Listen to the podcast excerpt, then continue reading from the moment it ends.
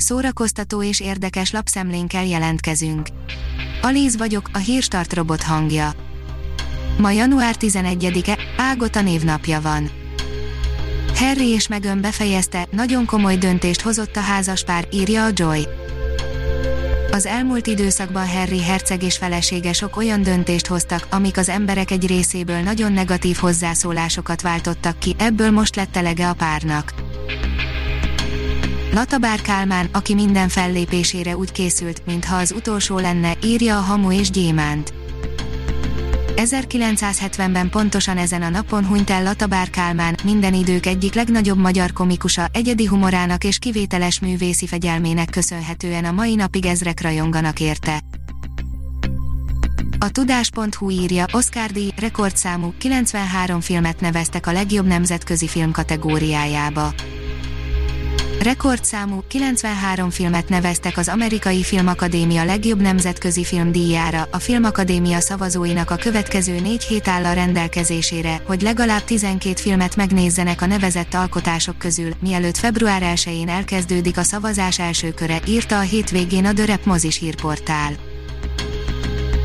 Megpróbálták rekonstruálni Agatha Christie eltűnésének történetét, írja a könyves magazin talán soha senki sem fogja tudni, mi is történt pontosan, amikor Agatha Christie 11 napra eltűnt 1926. decemberében, most viszont egy bestseller szerző, Mari Benedict megpróbálta rekonstruálni az eseményeket. Már elérhető Netflixen Mundrucó Kornél új filmje, a Piece of a Woman, ne hagyd ki, írja az igényes férfi. A Piece of a Woman nem egy könnyű limonádé film, amit a pandémia alatt az ember azért betesz egy hétköznap este, hogy elterelődjenek a gondolatai, annál sokkal többet ad, egy igazi, nagybetűs mozi élmény, még ha a kanapén ülve is nézi az ember, ami aztán napokig elkísér. A MAFA oldalon olvasható, hogy hogy miért utasította vissza Al Pacino Han Solo szerepét a Star Wars-ban.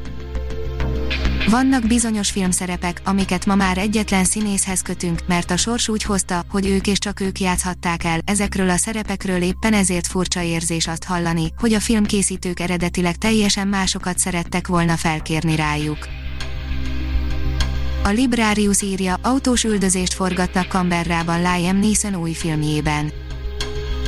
Canberrában folytatódik a jövő héten Liam Neeson Blacklight című új akciófilmjének forgatása. Az ABC Ausztrál hírportál cikke szerint egy autós üldözést vesznek majd fel a nagyváros közepén. Canberra a filmben Washington belvárosaként jelenik majd meg. A magyar hírlap oldalon olvasható, hogy forgatókönyvek és kéziratok.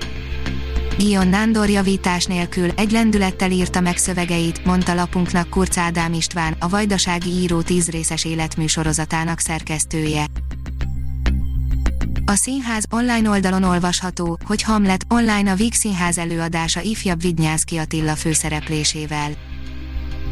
Január 16-án a Hamlet egy korábbi felvételének közvetítésével folytatódik a Víg Streamház, a Víg Színház online előadás sorozata, William Shakespeare egyik legnagyobb klasszikusát Eszenyi Enikő rendezésében, Forgács András fordításában láthatják, a fiatal generáció útkeresésével a középpontban. A kultúra.hu oldalon olvasható, hogy Joe Henderson szakszofonos előtt tiszteleg a Modern Art Orchestra Egyedülálló online koncerttel, négy neves szólistával tiszteleg a 20 éve elhunyt szakszofonos előtt a Modern Art Orchestra január 17-én. A port írja, a Breitner Kommandó, mese egy ismeretlen háborúról.